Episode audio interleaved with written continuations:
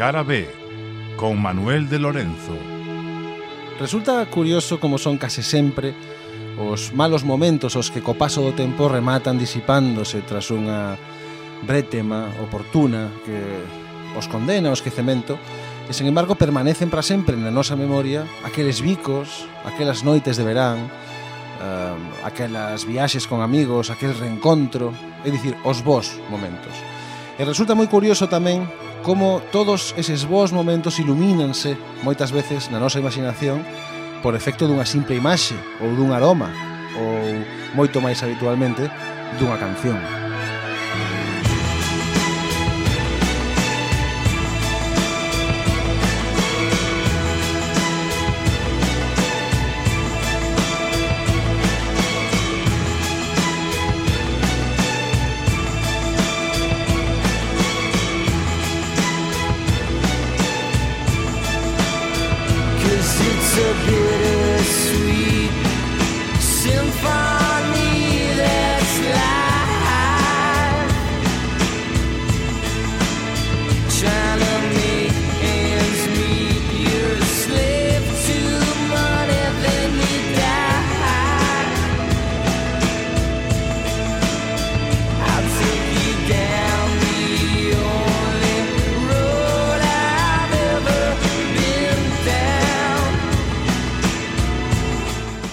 Non creo que estea a exagerar demasiado se afirmo que cada un de nós é capaz de asociar moitos recordos, moitos episodios, moitas épocas das nosas vidas eh, con distintas cancións. A fin e ao cabo, son moitos os grandes grupos que nos acompañan durante toda a vida e sempre estamos a escoitar a súa música.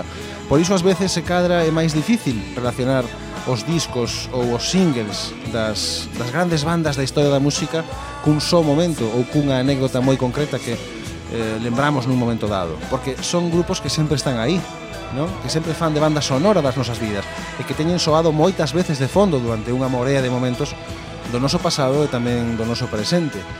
Sen embargo, hai outras cancións, a maioría delas xa desaparecidas entre os meses e os anos, que quizáis pola súa fugacidade precisamente están íntimamente ligadas a un instante concreto da nosa memoria e forman parte xa do propio recordo.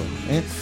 Cancións que só estiveron aí durante unha ou dúas semanas coincidindo coas nosas vivencias e que desapareceron para sempre, quedando asociadas na nosa mente a unha experiencia moi concreta, claro. E o mesmo que lles acontece a esas cancións acontecelles os seus autores, non os grupos, os artistas, os músicos que apareceron de súpeto na vida de todos nós para despois desaparecer para sempre. Estou a falar, como non, dos One Hit Wonders, eses fenómenos fugaces que son os prodixios dun só éxito. No change, I can change, I can change, I can change, but I'm here in my mold.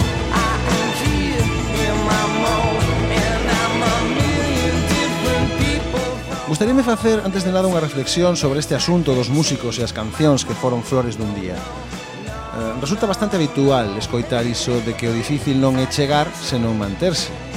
Eu non me atrevo a poñelo en dúbida pero iso non quere dicir en ningún caso que chegar soamente o feito de chegar sexa unha tarefa sinxela Existe certa tendencia a menosprezar un pouco os músicos que conseguiron un só éxito e que viron como a súa carreira posterior acabou diluída entre remixes e versións dese mesmo éxito unha e outra vez, non? Pero sería unha torpeza non apreciar o mérito daqueles que conseguiron polo menos unha vez converter unha canción propia nun rotundo hit mundial.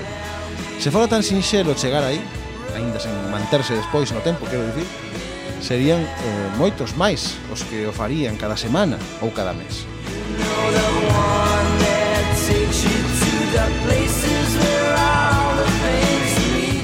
A min particularmente os One Hit Wonders pareceme unha bendición unha bendición para a música, eh? especialmente as cancións que lle dan nome ao fenómeno, non?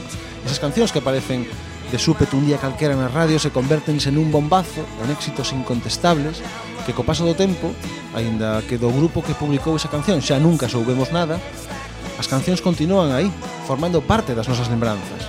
Hai algo tráxico niso, non? Hai algo tráxico e hai algo fermoso en todo isto.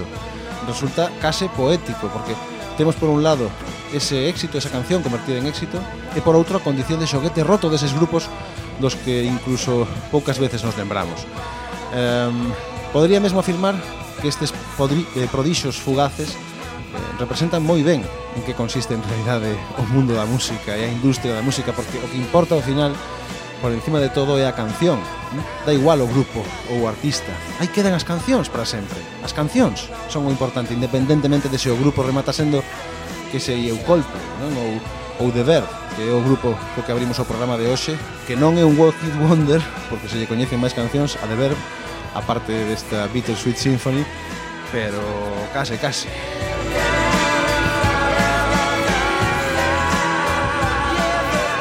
que ten que ter un músico para ser un one hit wonder? Sempre se falou moito sobre o tema e os criterios seguen sen ser homoxéneos. En Estados Unidos, por exemplo, basta con alcanzar o top 40 da lista Billboard unha soa vez e nunca máis dunha para ser considerado un one hit wonder. Eh, no Reino Unido, eh, só se considera one hit wonder a quen teña colocado unha canción entre os 20 primeiros postos das listas de vendas británicas unha única vez. E claro, isto é moi extraño porque, por un lado, este criterio reduce considerablemente o número de grupos e artistas que poderíamos considerar como one-hit wonders, como eh, prodixos fugaces, non? E ao mesmo tempo, obríganos a considerar como fenómenos desta clase a xente como Jimi Hendrix mm? ou a Lou Reed porque a pesar de ser mitos, non, e formar parte da historia do rock and roll, eles tan só conseguiron que un dos seus singles respectivamente figurase entre os eh, 40 primeiros da lista Billboard, por exemplo, non? Sería chamar One Hit Wonder ou Flor dun día a Lou Reed ou a Jimi Hendrix. Por iso nós imos ser un pouco máis generosos, eh, consideraremos como flores dun día precisamente a todos aqueles músicos respecto dos que calquera de nós diría que únicamente son coñecidos por unha canción aqueles músicos e grupos dos que calquera diría pero un momento, fixeron algo máis estes, aparte desta canción. Así que imos alo. Imos facer un repaso por algúns dos fenómenos fugaces máis coñecidos da historia do rock e do pop. Vai ser un percorrido interesante porque, male que os grupos quedaron eh, para sempre no esquecemento, como dicíamos ao comezo desta presentación, as súas cancións son verdadeiros temazos, non? Así que xa sabedes, quedade con nós, porque hoxe imos ter un programa cheo de exitazos. Comezamos coa nosa lista. Eu son Manuel de Lorenzo e aquí arrinca Cara B. Cara B.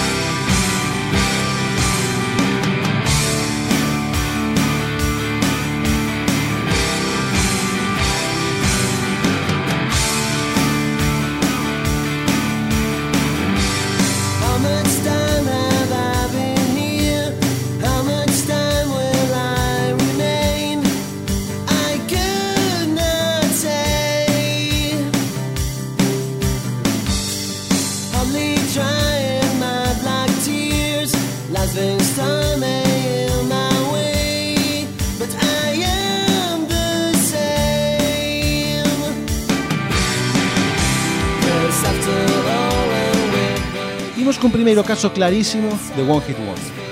Unha vez lín en, en algún lugar, en alguna parte, eh, que estes rapaces foron o paciente cero do mundo hipster, e pode que sexa certo, a primeira gran banda da escena hipster de Nova York, do revival do garage rock nos anos 2000 non foron eles, foron os Strokes, non?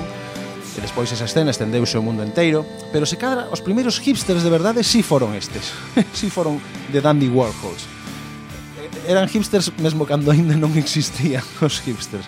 Tiñen un tema que non chegou a ser exactamente un hit, eh, chamado Not If You Were The Last Junkie On Earth, pero despois eh, colocaron nas ondas un exitazo que eclipsou todo o que fixeran con anterioridade. Bohemian Like You, a canción coa que imos comezar este repaso. E despois, claro, como acontece con todos estes fenómenos fugaces da música, desapareceron para sempre.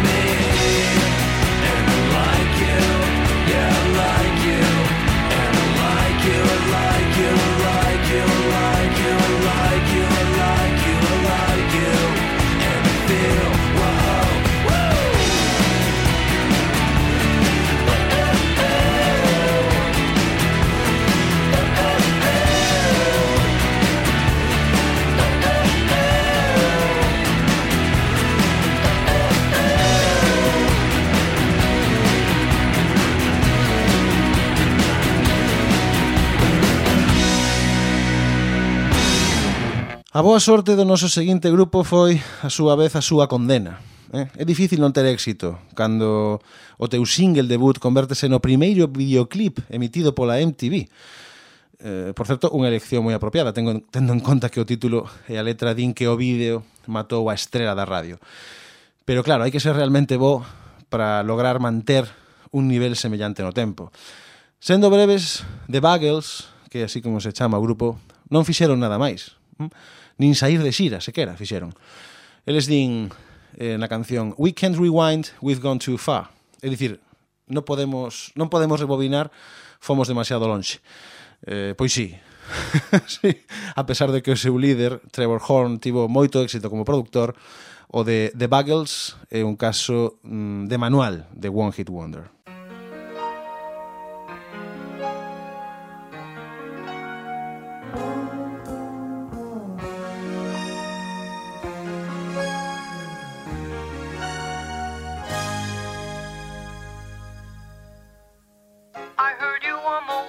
Back in 52.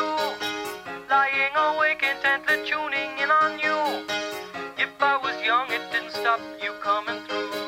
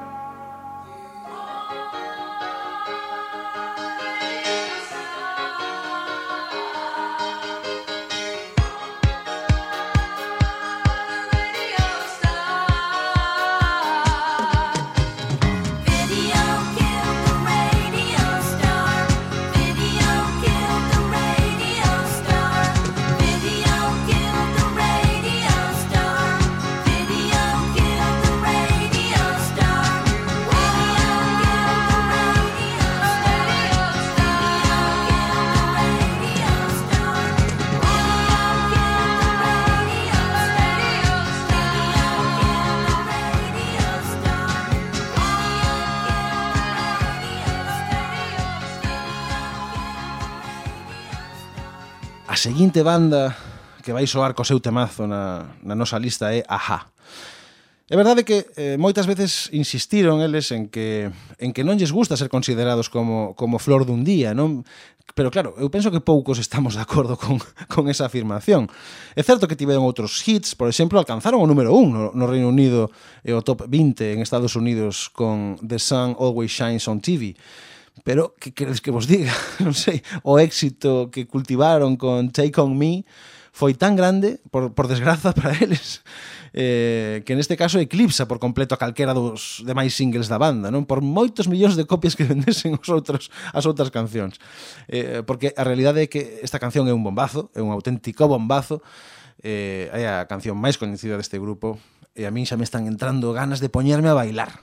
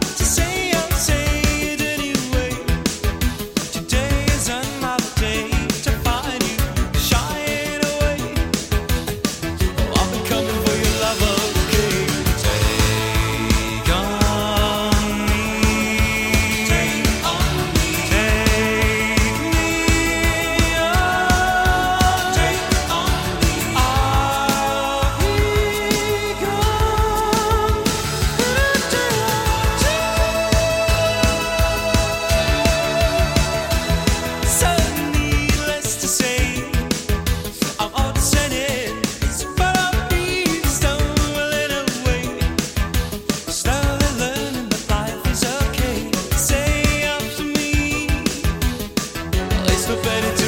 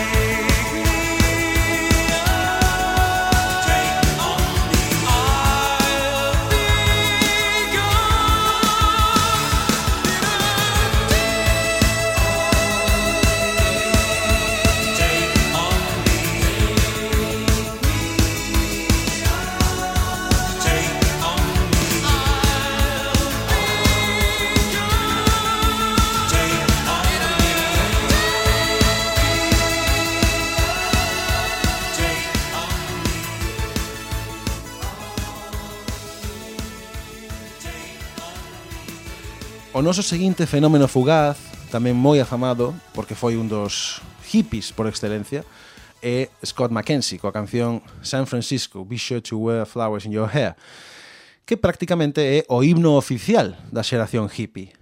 Mackenzie xamais logrou escribir unha soa canción que se chegase de lonxe o éxito de vendas que foi San Francisco, que foi un tema que lle cedeu por certo, o seu amigo John Phillips, o líder de, de Mamas and the Papas, e antigo compañeiro seu, antigo compañeiro de Scott en The Smoothies, eh, en The Journeyman. Esta é unha canción que, por certo, eh, cando John Phillips ya cedeu foi para promocionar o, o mítico Festival de Monterrey. Ou seja, foi un só hit o que tivo Scott McKenzie en toda a súa carreira, pero foi suficiente para convertelo no representante mundial do verán do amor. Ainda tivo sorte.